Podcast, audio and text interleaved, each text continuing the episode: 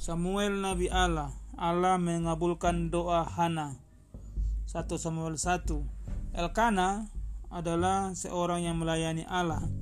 Tiap tahun dia berangkat ke Silo membawa persembahan kepada Allah di kemah suci. Hana istrinya pergi bersamanya.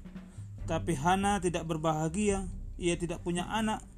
Ia ingin sekali punya seorang anak.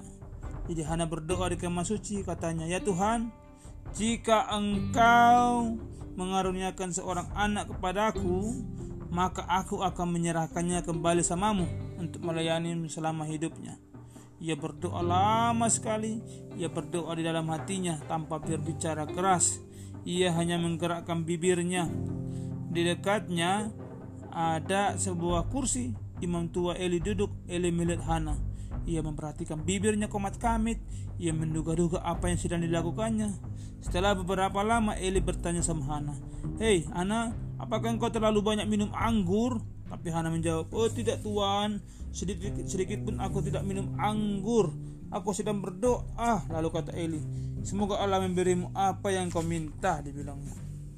Ketika Hana mendengar imam tua itu mengatakan hal itu, ia pulang dengan sukacita.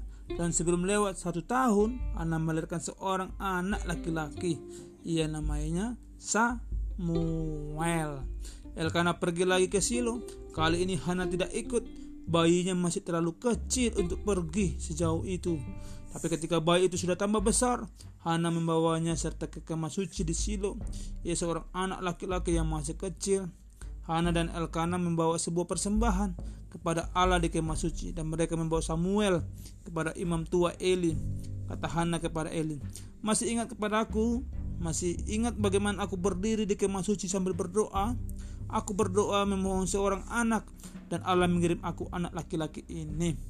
Hana menyerahkan Samuel kepada Eli katanya sekarang aku mau menyerahkan anak laki-lakiku kepada Tuhan untuk melayani Tuhan di kemah sucinya selama hidupnya Ketika Hana dan Elkana pulang, Samuel kecil tinggal bersama Eli di kemah suci.